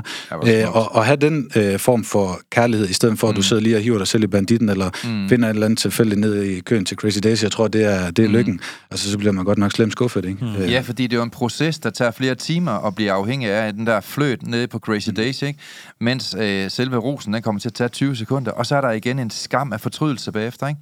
Og den ødelægger bare mange mennesker. Mm. Altså, jeg vil sige, hvis du brugte lige så meget tid på at sidde og hive dig selv i banditten, som som du vil gøre på at måske give din kone kærlighed, så vil mm. du prøve at se, hvordan hun blomstrer. Ja. Øh, Ja, og, enig. og, og igen, øh, jeg fandt ud af med, med det her øh, mm. modul, der hedder de fem øh, kærlighedssprog, at der mm. fandt jeg jo så ud af det med, at hvis jeg begyndte at tale eller arbejde efter hendes kærlighedssprog, Mm. så skulle du sætte mig se, hvordan jeg kunne få tingene til at fungere derhjemme. Så, så det er det, er jo fedt. noget, jeg har nærstuderet til, til UG, det kan jeg godt sige dig. Og, og der kan vi jo fortælle, øh, det er meget sjældent, vi laver det, vi gør nu, men øh, der kan vi jo lige prale med, at den næste podcast, som udkommer på onsdag, der har vi jo faktisk fået en kvinde med, som har tvunget et nyt liv ind over sin mand. Ja. Det bliver en lidt stille podcast. Stille og rolig podcast. Men Pernille, hun har virkelig været med til at gøre en kæmpe forskel for hendes mand. Mm. Og vi kommer til at mærke, og alle de afhængigheder af vrede og alle mulige tosse ting, han havde i hans liv, der fandt hun simpelthen en løsning til, hvordan hun kunne få en ny og bedre mand. Og det der med tosomhed og troskab, det er noget, vi står for i mental succes. Mm. Det vil vi godt reklamere noget mere for. Men jeg har faktisk været inde, Per, og øh, analysere, øh, lad os nu sige, at jeg har haft øh, 5.000 klienter igennem årene, mm. og lad os sige, øh, 200 af dem, de har haft en eller anden form for pornoafhængighed. Der har jeg været inde og kigge i nogle af mine notater. Og øh, det har jo haft et seriøst mental øh, indblik i den måde, de, altså hele den måde, de tænker og ser verden på. Hele deres selvværd er simpelthen blevet forandret af alt for meget porno. Øh, og jeg har været inde og kigge øh, på nogle statistikker, hvor man siger, at ser du for meget porno, en ting er, at du ikke kan få rejsning over for den, du så endelig er sammen med, men der er en effekt på depression på 28 procent på mange af dem, der ser porno. Er der rigtig mange forskninger, mm. der, der, der viser fra USA. Det kan I selv på gå ind og google. Derudover, så nogle af de ting, jeg har skrevet op, som er konsekvenser ved nogle af mine egne klienter, det er lav energi, og Mark, du kan se, om du kan genkende til noget af det. Øh, svært ved at koncentrere sig. Ikke. Svært ved at tage beslutninger. Følelser af ikke at være noget værd. Vægttab. Svært at sove. Angstsymptomer og så videre, og så videre. Og så ser de mange gange kvinder som objekter, mm. og ikke som en rigtig kvinde, som man burde ære. Men en god nyhed, det er så mange af dem, der så er kommet væk fra den her afhængighed, eksempelvis dig, Mark, og mange andre af mine klienter, jamen de er, mange af dem, de har været selvstændige, og mange af dem, det er jo sådan nogle, du er sådan erhvervsmæssigt, mm. det har vi jo en del af, Per, som, som, som, som klarer sig rigtig, rigtig godt. Jamen altså, de har fordoblet deres indkomst. Mm. Og det er ikke for at lave en reklame, men det har de. Fordi lige pludselig så har de fået et bedre selvværd. De kan lige pludselig administrere deres tid bedre. De misbruger ikke to-tre timer om dagen på deres misbrug eller afhængighed. De er mere kreative. Nye døre åbner sig i deres liv. De griber chancerne på en anden måde, fordi de får noget mere selvtid og disciplin. Produktiviteten i deres liv, den går op, og der bliver mere tid til møder og lukke aftaler, lukke samtaler og alt muligt andet. Ikke? Øh, og en af mine gamle klienter, Jens, han har simpelthen fået fordoblet hans indtægt, mm. efter han mindskede hans misbrug. Så der er sindssygt meget at hente, og derudover har han jo dobbelt så meget øh, selvværd, og nu kan han få rejsning på over for sin kone osv. osv. Der er virkelig meget at hente. Også som du siger nu, jeg synes, det er rigtig smukt, at de har den her tosomhed sammen, mm. og I åbner over for hinanden, I er ærlige over for hinanden, og nu er det bare jer to og ikke andre. Jeg synes, det er sejt. Jeg vil sige også, Godt gået, jeg tænker også, det er, jo ikke dy- det er jo ikke billigt at tage kokain og ryge og gå til luder. Nej, det er det godt nok ikke. Altså, hvad, hvad koster en øh, mm. man kan, prostitueret? Jamen, et sted, afhængig af, hvor lang tid du skal bruge med en, så er det nok et sted mellem 1000 og 1500 kroner per mm. gang. Og hvis du så lige skal køre sådan en gram op i botthånden, så koster det også lige en tus, hvis det skal være den gode kolumbianer, ikke? Mm. Øh, og hvis du så også lige skal have et brun søm med ved siden af dem, så kan du også godt lige lægge et par 100 til. Så, så det bliver jo lynhurtigt dyrt for hver gang, du skal gøre det her. Det er næsten på 1000 om dagen, som man skal ud ind. Ja, hvis man er til, til det på, til hver dag, ikke, så, øh, så bliver du lynhurtigt fattig, så det er jo ikke, fordi det er nogle millionforretninger at sidde og køre den livsstil. Det kan, det kan jeg i hvert fald godt skrive under på. Det er i hvert fald ikke god reklame for det. Nej. Men det er lidt sjovt, alle de der ting, mm. fordi der, der, var, der var fuld hus på alt det der. Det er jo netop mm. det lave selvværd. Du har dårlig øh, overskud, du har ingen energi, mm. du, du er hele tiden deprimeret, du har hele tiden den der skyld og skam hængende over hovedet. Du søger altid efter noget, du, du ikke søger, har. Ja, præcis, præcis. Det er, det er mm. bare øh, skruen uden enden, ikke? Mm. Øh, så, så, så det, er jo, ja, det er jo fuld hus, og det der så, som du siger med de gode nyheder, jamen, når du, det er jo klart, hvis du ikke sidder og bruger 3-4 mm. timer på at uh, hive dig selv uh, helt tyndhudet, mm. jamen så er det klart, at altså, så kommer du da til at tjene, uh, så kommer du da til at tjene mm. mere, hvis du bruger din ja. tid på arbejde, ikke? Og det har jeg da også selv gjort, og også i forhold til med at bruge min tid mere effektivt. Altså ja. nu har jeg altid brugt uh, meget tid på at mm. uh, træne og dyrke kampsport og lave mm. alle de her ting, så der har der jo været meget mere tid til, og så mm. bliver du jo mere frisk i hjernen, når du ikke tager alt det der, fordi jeg kan huske, det var ligesom at have sådan en kæmpe osteklok ned over hovedet, ja, ikke? når du bare står op, så, så mm. dengang jeg ligesom pludselig stoppede. Det var, og det var lidt der, hvor min sådan ADHD, den ekstra sprang ud, ikke? Mm, Fordi at, ja. Jeg har jo været vant til at bedøve den med, med mm. has i, i rigtig lang tid, og da jeg så stopper, så er det jo ligesom, ja, at der bare kommer en fontæne i røven på mig, for jeg kunne slet ikke sidde stille. Altså, der gik det fuldstændig amok. Mm. Men jeg lærte jo så at bruge øh, min ADHD til at være flittig på arbejde. Nu er jeg selvstændig mm. maler, så jeg kunne mm sagtens køre på i mange, mange, mange timer uden mm. noget problem. Mm. Så, så på den måde var jeg jo lige pludselig mere effektiv, også fordi mm. jeg blev mere øh, bevidst omkring, hvad det er, jeg egentlig havde med at gøre. Så jeg ser, mm jeg synes heller ikke til dem, der sidder derude, at de skal se det, det at have øh, ADD eller ADHD mm. som noget negativt. De skal egentlig bare se det som superkraft, fordi mm. mange af os er super kreative, vi er ja, okay. initiativrige, vi er... Mm vi fordyber os i mange ting, det ved du sikkert også selv mm. med, med dit ADHD, når du, mm. der er et eller andet, så, så giver du den bare fuld gas med, med at sidde og, og zoome ind i de ting. Mm. Det, er jo, det er jo det, der faktisk er i det, fordi det er jo det, jeg gør herude. Mm. Grunden til, mm. at jeg gør det rigtig godt, de ting, jeg gør, og nok også bedre end mange andre, der prøver at gøre det før mig herude, det, øh, det er fordi, der tror jeg, at ADHD kommer ind og spiller her også. Mm. Fordi når jeg går ind, du kan huske med der Kajabi, der siger, Søren siger, jamen, jeg skal lige finde ud af, at lave det fordi han, jeg ved ikke lige, vi skal lige finde ud af det. Så siger jeg, jeg tror godt, jeg kan det der. Tror du godt, du kan det? Jeg, siger, jeg ved mm. ikke, hvorfor det giver bare mening i mit hoved, det der. Ja. Går total Rayman i Ja, ja, ja, ja, det gør det. det. men, øh, men han brugte jo hans ADD til noget fornuftigt. Det er ja. også det, der er din point. Det gjorde du mm. sådan set, Per. Ja, jamen, det gjorde det, fordi så kan man sige, så siger Søren, jeg kunne lige mig se på YouTube. Mm. Så kan man se på YouTube, så sidder jeg og laver det der kursus. Siger han, har du, har du lært det der på YouTube i går? Ja. Mm. Det var sindssygt, altså. Ja, det er vildt. Uh, man kan komme på et kursus, og så tror det kostede 30 eller 35.000 i kursus. Mm. Det betaler jeg, siger sådan så. Ja, lige meget. Det er fint. Det var til mig 10 år at lære det der. Men de 35.000, hvor godt er det så givet i forhold til det, du har ja, ja. udviklet nu? Ja, ja, ja. det er det. Altså, det, det har hjulpet mange mennesker. Ja, har hjulpet. Det har skabt en platform, der ikke bare hjælper 300, men der hjælper 30.000. Ja. Og så det, var også, mega fedt. Man kan sige, og så har jeg jo bare suget det der ind og kan det der dag, og der har mm. jo brugt netop den der bagsiden af medalje, som det nogle mm. gange er. Men jeg tror også, folk sætter sig nogle gange i uh, livssituationer, arbejdssituationer, hvor de ikke passer ind i... Mm. Altså det der med, at mm. man tænker, nu skal jeg gøre noget, fordi jeg skal gøre det her i stedet for også nogle gange for talenterne spiller og bruge det konstruktive ting, man kan. Mm. Jo, men mange folk, de sidder jo bare i, i deres elendighed, og så sidder de bare og kører 40 år igennem, ikke? Altså det er som du selv siger, det der med, mm. så lever du måske øh, 50 dårlige år, og så vil du leve 20 gode år, i stedet for, hvorfor ikke øh, have måske 70 gode år, hvor du ja. bare giver den gas med mm. det, du godt kan lide. Ja. Øh, og, altså, nu har jeg jo selv altid været glad for at være maler, men, men det var egentlig også bare noget, jeg tog, fordi du ved, at jeg, jeg gad ikke til at skulle studere, jeg mm. skulle ikke det, så jeg passer mig også ind i det, mm. men jeg har egentlig altid gerne vil arbejde med unge, ja. øh, og, mm. og det er også derfor, at nu der tager øh, hvad hedder det, uddannelsen som mentaltræner for mm. at kunne mm. komme ud og hjælpe, og også fordi, at jeg føler, at jeg har lidt noget ekstraordinært mm. på CV'et i forhold til misbrug og ja, afhængigheder og de her forskellige ting. Mm. Øh, så, så jeg har rigtig meget bydet ind med til, til de her mennesker, som egentlig sidder derude, og at, at kunne få lov til at være med til at give, mm. give noget til folk, det, altså, det, det er virkelig noget stort, noget, som gør noget for mig, som, som jeg virkelig har... Ja, det, det er virkelig rørt over, at jeg kan få lov til at være med til. Det var fantastisk. Men der er jo også der er jo sket meget. Mm. Altså hele din fremtoning, din måde at snakke, mm. dit kropsprog og sådan noget mm. også. Øh, de her ting, hvordan du formidler det også. Ja. Jeg roste dig faktisk til Søren her den anden dag. Mm. Øh, fordi jeg har ikke set nogen i video endnu. Mm, det har han ikke sagt noget om. Nej, det ved jeg godt. Det er også til, at man ikke skulle fortælle dig det. Så bliver han alt for glad. Øh, ja, det Men som jeg siger, den video, nogle af de videoer, du laver, mm. er sendt ind, hvor jeg mm. siger også, det er jo imponerende, hvor meget du rykker dig også i det tempo, du tager nu.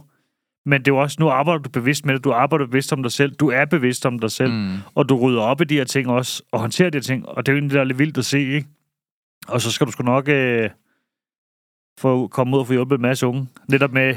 Og det der fordelen, det er jo, du har selv været igennem lortet, du har gået vejen først, og det tror jeg altid er en fordel, når man... Øh... Men vil du arbejde med alle typer mennesker, eller vil du arbejde med primært unge, eller hvad tænker du, Mark? Som udgangspunkt, så er alle dem, der har brug for hjælp, der mm. står jeg til rådighed. Mm. Øh, fordi jeg synes, begge, begge ting er spændende. Altså, unge mm. mennesker som mig selv er jo selvfølgelig super spændende at kunne vise dem vejen for, at hvad kan man sige, at de ikke begår de samme fejl, som jeg gjorde. For jeg ville ønske, at der var en eller anden, der sparkede mig i røven, dengang jeg var 20, i stedet for, at jeg skal sidde mm. her som 30 år og først begynde at fatte, okay, det er altså sådan her ting, der hænger sammen. Mm. Men altså, jeg synes jo lige så meget, at man kan hjælpe øh, ældre mennesker i mm.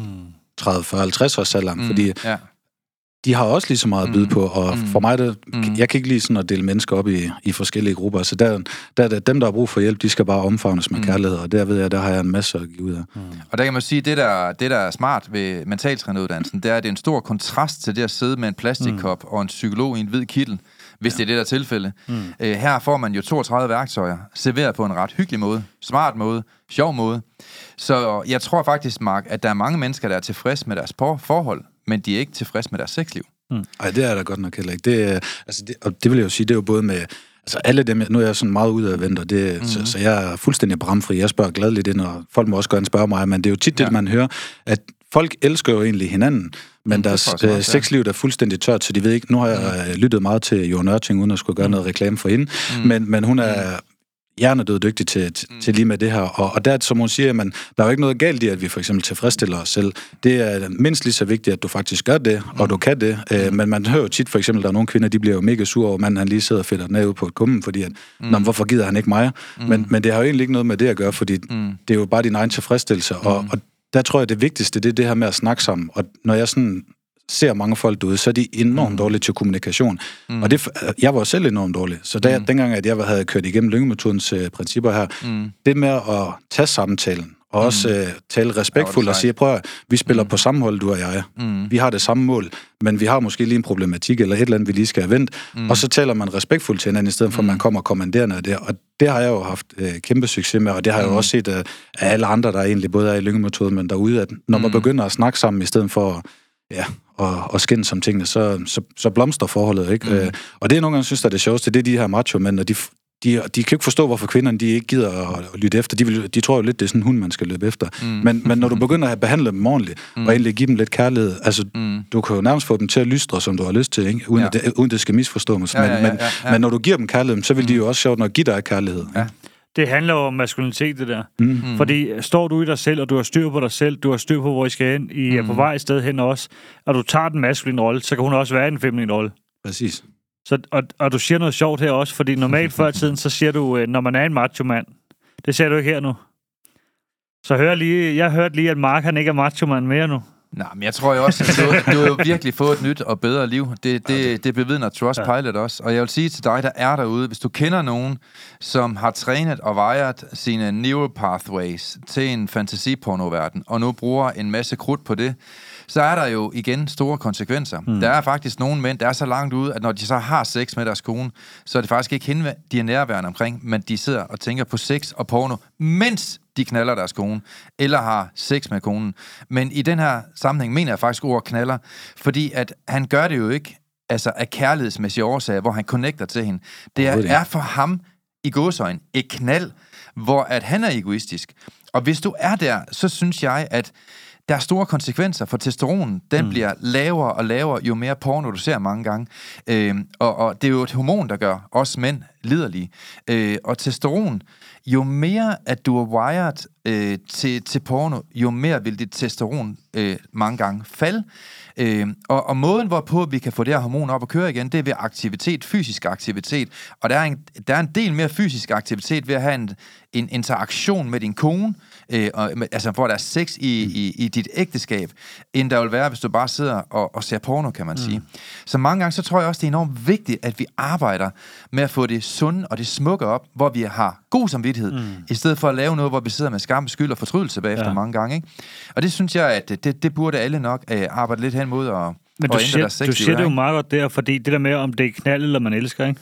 Jeg synes, der er meget, meget stor forskel. Der er kæmpe stor kontrast. Ja, der er øhm, og også det, som du siger, det med, med egoismen, mm. ikke? Og det, det er også derfor, at det er så tabu at, at sige, at man har, fordi hvis du går ind og spørger nogen, har du et problem? Nej, uha, det har jeg sat mig ikke. Mm. Hvor, hvor jamen prøv jeg ved, der er så mange, der sidder der og hiver mm. sig selv fuldstændig tyndhudet, mm. og der sidder så mange mænd, som køber sig øh, fattig for, mm. øh, for øh, deres fælles madbudget, ja. øh, og kun kan ikke forstå, hvor pengene rører hen, og, mm. og som du selv siger, manden er, totalt egoistisk, mm. fordi han tænker på sit eget behov, og han tilfredsstiller ikke sin kone. Ikke? Ja. Øh, og, og, og det vil jeg jo rigtig gerne være ind og, og, og kunne slå et stort slag for, mm. fordi at det skal ikke være tabu, og det er ikke uh, kun en mandeting. Altså, jeg kender også uh, mange ja, kvinder, som ja, ja, jeg har set mange kvinder, uh, de, de behøver ikke at sidde derude og puste deres glorie, fordi de kan også være nogle små svin. uh, men, men, men, men, og jeg synes bare, at der skal ikke være noget mm. skam om det der. Uh, altså, Nej. man skal kunne komme og sige, prøv at, ved du hvad, mm. det, det er sgu en ærlig sag, jeg er blevet mm. grebet af et eller andet, om det så er... Altså, det er jo ligesom uh, tykke, som sidder og kører for meget matador-mix, jamen, mm om det er sex mm. eller matador-mix, det er det samme. Mm. Øh, altså, du har, du har en afhængighed. Mm. Øh, ja. men, men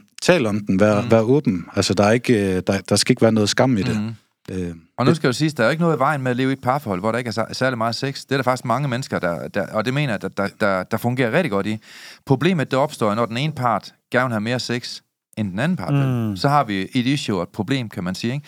Og der mener jeg jo, at øh, der er meget form for hjælp, man kan få, øh, og mange fede kurser, man kan få, mm. øh, i forhold til at PrEP for eksempel. Det er nok en af de bedste øh, øh mm. forebyggelseskurser i forhold til, til relationer og parforhold, der overhovedet findes på hele jordkloden. Det er udbredt i hele verden. Mm. Øh, vi har jo også vores, øh, mm. vores parforholdskursus mm. i, i lyngemetoden, og har i det hele taget lyngemetoden, som, som er med til at hjælpe dig. Men der er ingen tvivl om, at det kræver noget erkendelse, kan man sige. Jeg plejer at sige det på den måde. Hvis vi ser et problem, men vi ikke kan se løsningen, så, så, så er vi selv problemet. Men hvis du ser et problem og ser en løsning, jamen så har du et kald. Så har du en mulighed for at ændre dit liv. Så har du en mulighed til at forfølge dit kald mm. og få styr på dine problemer. Og, og der tror jeg, det der kapitel 7 i uh, de syv livsprincipper, det nok har hjulpet dig en del, Mark, det er med bekendelse og erkendelse. Jo, men altså det der også var med det, det var jo, at det, der skulle jeg til at begynde at være mentaltræner, og så gik jeg og mm. reflekterede lidt over, at hvis jeg skulle gå og lyve over for mig selv, mm. eller, eller skulle gå og lyve over for andre, og så undervise folk i, at de skulle være ærlige, mm. der kunne jeg bare mærke, der kom der sådan en grim side frem i mig, fordi det, ja. så var jeg ikke autentisk, så var der ikke uh, integritet. Mm. Så der tænkte jeg, der bliver jeg nødt til at tage tyrene ved hånden, uanset hvor, hvor træls jeg så end synes, det er. Mm. Og der måtte jeg jo så invitere hende hjem, og så sige, prøv vi skal lige snakke, og vi skal lige det, det, det, det, og så ja. fik jeg forelagt det. Og der kunne det godt være, at jeg havde kronisk mylderbæg to dage op til.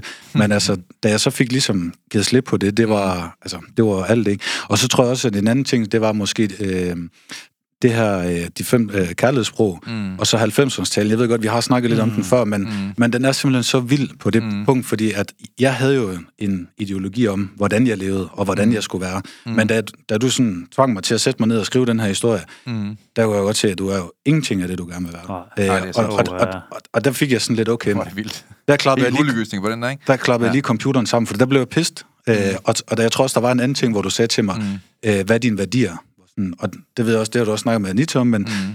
det, der gik det virkelig op for mig, sådan, hvad, hvad er det for nogle værdier? Altså, hvad, mm. Jeg synes, at jeg har masser af værdier. Og så siger mm. du, prøv lige at skrive nogen ned, og der gik klappen bare ned. Altså, jeg sad ja. fuldstændig blank.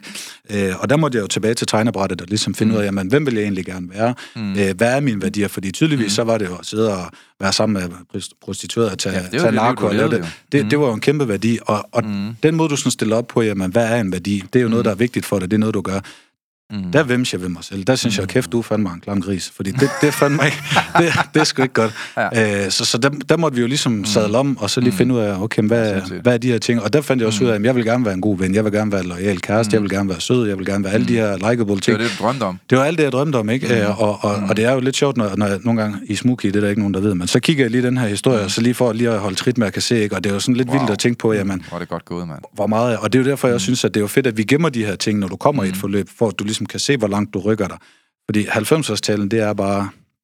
et spids... Øh, Ja, den, det var også den, en af dem, der slog mig ud, den der. mm. Jeg sad og græd efter at lave den der, fordi jeg, jeg blev lige facet gør med alting, jeg ikke var. den, præcis, og det er den der facing der. Mm. Du får bare lige den der størrelse 46 direkte i smasken. Det er jo det der i det, man kan sige, det er ærligt, men kærligt der forløb, for du får, du får de ting at vide, du har brug for at høre, mm. og ikke hvad du bare altid bare har hørt. Mm. Altså det er ikke sådan, at man stryger med hårene på den måde også. Selvfølgelig er man der, og man hjælper, mm. og man er der på siden også, men nogle gange så har man også brug for at vide på, at du skal gøre noget anderledes. Mm. Mm. Du kan ikke blive ved sådan her. Jo, men altså, jeg kan huske en af samtaler med Søren, hvor jeg var... Det var med den tidligere ekskæreste, hvor jeg havde, hvor, mm. hvor der var et eller andet, jeg var fuldstændig resten over det der, hvor han så siger, "Men altså, det siger jo lidt mere om dig, at du tillader det, når du ikke ser de der advarssignaler. Så det fortæller jo mere om dig, om det gør om hende, hvor jeg tænkte, hvis han havde været her, så var han blevet foldet om til en sommerhat, fordi jeg tænkte, nu står jeg her og fortæller og åbner mig det ene og det andet, og havde måske forventet, at jeg lige skulle få sådan en virtuel krammer der, hvor jeg bare fik en virtuel flad, hvor jeg prøver, det der, det kan du sgu godt lave om, hvor jeg bare tænkte, okay, hvis det, hvis det er sådan, det skal. Vildt, ikke? Ja, der, der, og så blev jeg sgu lidt sådan, og så, men, men det, der var så det sjove, det var, så gik jeg jo og reflekterede over det der, hvor jeg godt kunne se, jamen, Ja. det der med, hvis andre kan påvirke din psykologi omkring et eller andet, jamen, så er det jo dig, der er svag et eller andet sted. Mm. Ja, man kan sige, det Søren gør, det er også der, den overbevisning, du havde om det der også, den var, mm. du havde jo ikke ret i det her. Det er der virkeligheden. ikke. Slet ikke. Havde Søren sagt, at det er også synd for dig, åh, jamen, sådan skulle du ikke have haft mm. det. Så har du gået med overbevisning mm. efterfølgende nu og tænkt, mm. jamen jeg havde ret i det, det var sådan, mm. det var. Mm. I stedet for at sige Søren, prøv at, prøv at kigge på dig selv engang. Ja, præcis. Ja. Det var nok det, der var det mest hårde, fordi det Ja. irriterede mig, det var, og jeg var slet ikke forberedt til det. Var bare sådan, "Ah, hvad siger du? altså, kan, kan du lige gentage det? Altså, men hold. Men det er også det der, og det var også det, der rykkede mig en gang. Det var mm. jo, at man fik, ikke, man fik ikke det at vide, man havde lyst til, man fik, fik ikke det at vide, man har brug for at høre. Mm. Men Og det hvad vil man også- helst, ikke? Og hvad for en folkeskolelærer var egentlig bedst? Var det ham, der Jamen, skal, med skal være helt ærlig, Eller var problemet, ham, der tror jeg, efter dig nogle gange, ikke? jeg tror problemet nogle gange mm. ude i samfundet også, det er, at folk bliver provokeret af dig. Ja. Men de, tager ikke, de tænker ikke over, hvorfor de bliver provokeret af dig. Nej, men, men det, jeg godt kan lide, det er, at der er en transformation bagefter. Ja. Når du får lov til at prikke folk under huden. Vi ser jo den ene efter den Ja. anden, ikke? Nu skal vi også høre næste gang, hvordan Ja. ja. Brian han fik et fuldstændig nyt liv. Øh, og jeg tror, der sidder mange ledere derude, mellemledere, også helt almindelige mennesker, som egentlig burde have en snak med mig. Mm. Du har jo de samme 32 værktøjer, som jeg har lært Ja. ja. dig. Dem har du nu lært at formidle videre, kan man Ja. sige. I mentaltræneruddannelsen, der sidder vi ikke og leger psykologer, eller sidder og lytter på folks problemer. Det Mark, han har lært, og det du gør, øh, Mm. det er jo, at du kan formidle 32 værktøjer, fuldstændig som jeg kan formidle dem. Og derigennem kan du være med til at transformere menneskers liv med de så samme værktøjer, som hjalp dig.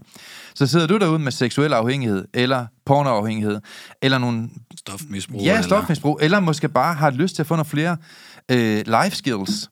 Så, øh, så, så kunne lyngemetoden måske også være noget for dig. Fordi det er de værktøjer, som vi hovedsageligt øh, piller frem her i Mental Succes-podcasten. Jo, men jeg tror også, det man måske skal nogle gange tænke over, det er jo ikke altid, at folk skal ikke sidde og tænke, øh, om hvis jeg ikke har angst, så er det ikke noget for mig, eller hvis jeg ikke Ja, ja. har stress, så er det ikke... Det her, det er jo, øh, ud af de 32 moduler, der er det jo alt fra kommunikation til struktur, til Mhm. stress, til angst. Altså, du kommer Ja. mange steder rundt, og som du selv Ja. nævner, der er jo mange, som er både højstående advokater, eller læger, eller politibetjente, som egentlig bare kommer ind og forbedrer deres livskvalitet, og Ja. måske bare bliver en bedre kæreste, eller en Mhm. bedre mand, eller en bedre søn, eller et eller andet. Det behøver nødvendigvis ikke at være, der har været til hundene. Der, Nej. så, så, så det er bestemt for alle, altså. Det, Og det var, det var det, der er lidt sørgeligt egentlig ved vores samfund. Det er jo, at øh, der er en, der spurgte mig forleden dag. Jeg er leder, jeg har en stor virksomhed. Ja. Hvorfor bliver det her solgt på, øh, på, på angst, stress og depression, altså Lyngemetodens 32 øh, værktøjsprogram, hvor jeg så siger, at du kan ikke sælge en succes i Danmark. Altså hvis du siger, at du får mere mental succes ved at købe det her program, så er der ikke en, der køber det. Men hvis du rammer folk på en smerte, så køber de. Og jeg synes jo et eller andet sted, det er sørgeligt. Jeg vil egentlig bare gerne reklamere for, hvad det i virkeligheden er. Men faktum er, det var, at bagom kulisserne på lyngemetodens forløb på syv måneder, der arbejder vi stort set kun med misbrug og problemer og issues og tankekontrol i to måneder. Og de næste fem måneder, der bygger vi dem op med de vildeste skills, der gør, at de får et succesfuldt liv, eller et vellykket liv. Det må- øh, det må ændring af hele livsstilen hedder det, et eller andet sted. Og Fuldstændig. det, og, og det sker jo bare for alle. Det er det der med, at jeg kan jo se ting stadig flere år efter, hvor jeg er reagerer på andre måder, handler på 100% andre måder. succesrate. Ja, ja, men der, og, ja, jeg tror bare, at nogle gange så, øh, så er det rent, at det har været på stress, angst, depression, men vi får lige så mange ind nu, synes jeg, Flere ting. som er det. faktisk øh, ønsker Mm. optimering af mindset, ændre mindset, Mm. stå stærkere selv, et bedre parforhold også, og det vil jeg også gerne rose for derude. Mm. At det, er- at, Ja, I er blevet bedre. ja, det vil er jeg sige, smukt, fordi jeg. i stedet for, at man altid skal gribe folk, ja. når de er helt nede, mm. Så det er altså sjovere. Mm. Selvfølgelig tager man gerne dem der helt nede, bare lige så Ja. det er sagt, men nogle gange så er det bedre at tage fat i dem, mens de faktisk stadig har overskud til at køre fuldt på. Men jeg tror også, hvis, hvis vi skal prøve... At, nu, er vi jo, nu er vi jo i godsøjne reklameret meget for vores egen Ja, ja. værktøjer, de her 32, ikke? Mm. Hvis vi ser helt bort fra det, for det er selvfølgelig nogle af dem, der er med til at forvandle dit liv, så tror jeg også, en stor øh, ære i forvandlingsprocessen. Det er den beslutning, du vælger at tage Ja. ja. ved at committe dig til syv måneders transformation og positiv psykologi serveret på et sølvfad dag for dag ind i din hjerne. Fordi når du vælger det her produkt her, så får du video om mig hver dag i syv måneder mm. i træk. Bare det, du siger ja til det, så siger du samtidig, det er umuligt at gå igennem syv måneders transformation og positiv psykologi, uden at få et bedre liv. Det kan simpelthen ikke lade sig gøre. Ja, så seks måneder efter også, ikke? Jo, jo. Så Jo, det men ikke engang helt. Jeg tror også, du så tage seks måneder mere? Jeg tror også, at det, som, hvor folk nogle gange øh, undervurderer lidt, det er jo tit at det der med, at det er mig selv, der skal lave mig om, og det er kun mig. Men, men folk, de glemmer egentlig, hvad der sker rundt omkring. Mm. Fordi du får både et, et nyt liv personligt, men ja. Du får også en, en ny omgangskreds. Mm. Selvfølgelig bestemmer du selv, om du vil have nye venner, men i og med, at du bliver mere likable, i og med, at du bliver mm. mere fornuftig mellem ørerne, så får du nogle andre venner, og du får måske også... Øh, de øh, kvinder, du måske har tiltrukket før, mm. øh, det var der nogle trælsøns, jeg har, har mm, tiltrukket, hvor, hvor, dem, mm. hvor altså for eksempel med den kæreste, jeg har i dag, det kan godt mm. være, hun, hun ved jo også min fortid, og ved udmærket godt, at jeg har lavet noget lort, ikke? Mm. men hun er jo nok den mest øh, rummende og forstående og virkelig øh, mm. omsorgsfulde kæreste, man kan få, ikke? Så hvad, hvad kan man sige, det har jo også... Øh, jeg har jo aldrig troet, at jeg skulle finde en, der ville acceptere det, for jeg har jo gået netop med det med skam og skyld, ikke? og tænker, mm. jamen, der er sgu ikke nogen, der vil have sådan en klang gris som mig. Men, mm. men når du ligesom kan tale ærligt omkring tingene og fortælle, mm. og du ligesom viser, at du er ikke det sted mere. Mm. Og det, det kan hun jo tydeligt mærke, for hun, hun nåede også lige at se mig i den skidt periode, hvor okay. i dag, hvor hun siger til mig, at, at det er jo, altså fysisk så er det jo den samme mand, men mm. indeni så er det fuldstændig en anden mand. Mm. Der er ikke uh, Ja. raseriudbrud, der er ikke uh, trælse diskussioner, der er ikke alt, altså nu mm. vi snakker ærligt, der er kærligt, vi mm. om, yder omsorg, vi er bare gode ved hinanden, ikke? Så det er, Smukt nok. så, så, så man får så meget mere end kun bare sig selv. Altså, og det tror jeg, folk de undervurderer lidt derude, hvad, hvad det egentlig gør ved en. Fordi at mm. selv den dag i dag, der, der bliver sådan, hold da kæft, man får, havde det været for, for et år siden, så, havde- så havde jeg måske kastet en eller anden flaske ud af vinduet efter en på, i trafikken, hvor i dag, når Ja. ja. lad ham bare komme ind foran, han har sikkert mm. en dårlig dag. Eller, mm. altså, det, det er sådan nogle små ting, man bliver dag. fuldstændig andet menneske. Ikke? Øhm, Fantastisk. og, og det, skal ikke, altså, det skal sgu ikke lyde sådan helt fløde, men, det, men det, altså, man, man finder virkelig ud af, hvor meget det gør. Altså, det er, du får sat mig meget ud af det. Ej, det er fantastisk. Så vi må, vi må smadre jeres fordomme derude. Der kan sidde en, øh, en flot fyr med 8-pack og tatovering overalt, og som har et kærligt og et følsomt hjerte med gode værdier. Tillykke, Kær, Mark. kærligt, men ærligt. Du har gjort det godt. Tak skal du. Godt gået. Vi skal lige have, vi skal lige til at runde af, og så Mhm. skal jeg lige have et godt råd for jer begge to. Og øh, jeg tænker, du starter i vanens to. Jeg synes, dig, der sidder derude nu, jeg ved godt, du sikkert er på arbejde eller sidder i din bil. Jeg synes, når du kommer hjem i jordhulen i aften, så synes jeg, du skal tage en kuglepind og et stykke papir frem og vende kuglepinden rigtigt. Og så synes jeg, du skal skrive fem fordele ned. 1, 2, 3, 4, 5. Hvad det vil betyde for dig og dit liv og din fremtid og dine omgivelser. Og begynde at arbejde med dig selv og dit mindset. Hvad er de fem fordele ved det? Og så synes jeg, du skal på et andet stykke papir skrive, hvad er de fem konsekvenser, hvis du ikke får det gjort? Mm. Altså hvis du lever videre med den last, du har nu, hvis du lever videre med det misbrug, hvis du lever videre med, at du ser porno et par timer om dagen, eller med din relation, der du har, eller det mindset, eller den vrede, eller den irritation, du har, eller hvad det nu måtte være. Hvis du lever videre med det, hvad er konsekvensen så om fem mm. år? Nogle gange, uanset hvor vi er henne i vores liv, så er det sundt lige at sidde med en kuglepen, lige at reflektere lidt over nogle ting. Ja. Så det er min udfordring i dag, Per. Mm. Jamen, Og så øh, selvfølgelig komme til vores foredrag, synes jeg altid, det Ja, er, det er altid godt. Det, det er godt. Det er godt Ja. Det er Et på gjort. kan du have booket vores foredrag mentalt succes. Det er nok de bedste 250 kroner. Du Ja, kan der, brænde det er nok, ja, man skal give en 50 mere for at komme i operan. Men øh, det er nok det værd. Det er det. Jamen, øh, Mark, Jamen, øh, jeg tror, mit råd i dag vil være, at du er ikke din fortid. Mm. Øh, lad være med, at, at du har lavet noget lort i din fortid, er ikke Mm. en livstidsdom. Du kan sagtens have været et dumt svin i din fortid, men Mm. det er du bestemt ikke i dag. Øh, de ting, som du gør øh, dag på dag, daglig basic, det er, det er det, der former dig til den, du er. Øh, Mm. så, så hvis du tror på, at du er et godt menneske, og du for hver dag, du står op, så får Mm. du en ny chance for at bevise det. Du er ikke, som Sejt. du er i går. Mm. Øh, så, og så Mm. at en god ting, det er at reflektere over dine værdier. mm. Hvad, hvad synes du, der er vigtigt for dig? Mm. Der er ikke noget skam i en hyggespiller. Men øh, lad være med at lade det tage overhånd. og, og brug dit krudt på din kone eller din partner i stedet for. Især din kone. Giv noget kærlighed. Køb Ja. nogle blomster til hende. Ja, det, det det, det vil du få meget mere ud af. det er lige øh, opfordringen til alle mænd, der lytter med, det er, at du kører blomster til konen i dag. Ja, der er bare mange kvinder, der kommer til at dele den her udsendelse. Ja. Tak for det. Vi ses. Kan du have det, som du ser ud? Tak, Vi er glade for, at du har lyttet med på podcastserien Mental Succes. Hvis ugens emne har givet dig værdi, så er du meget velkommen til at dele det på sociale medier. Og hvis du har lyst, så har du mulighed for at møde os hver måned, når vi turnerer Danmark rundt med åbne foredrag og giver mentale værktøjer væk. Vi glæder os til at se dig på mentalsucces.com. Vi ses i næste uge.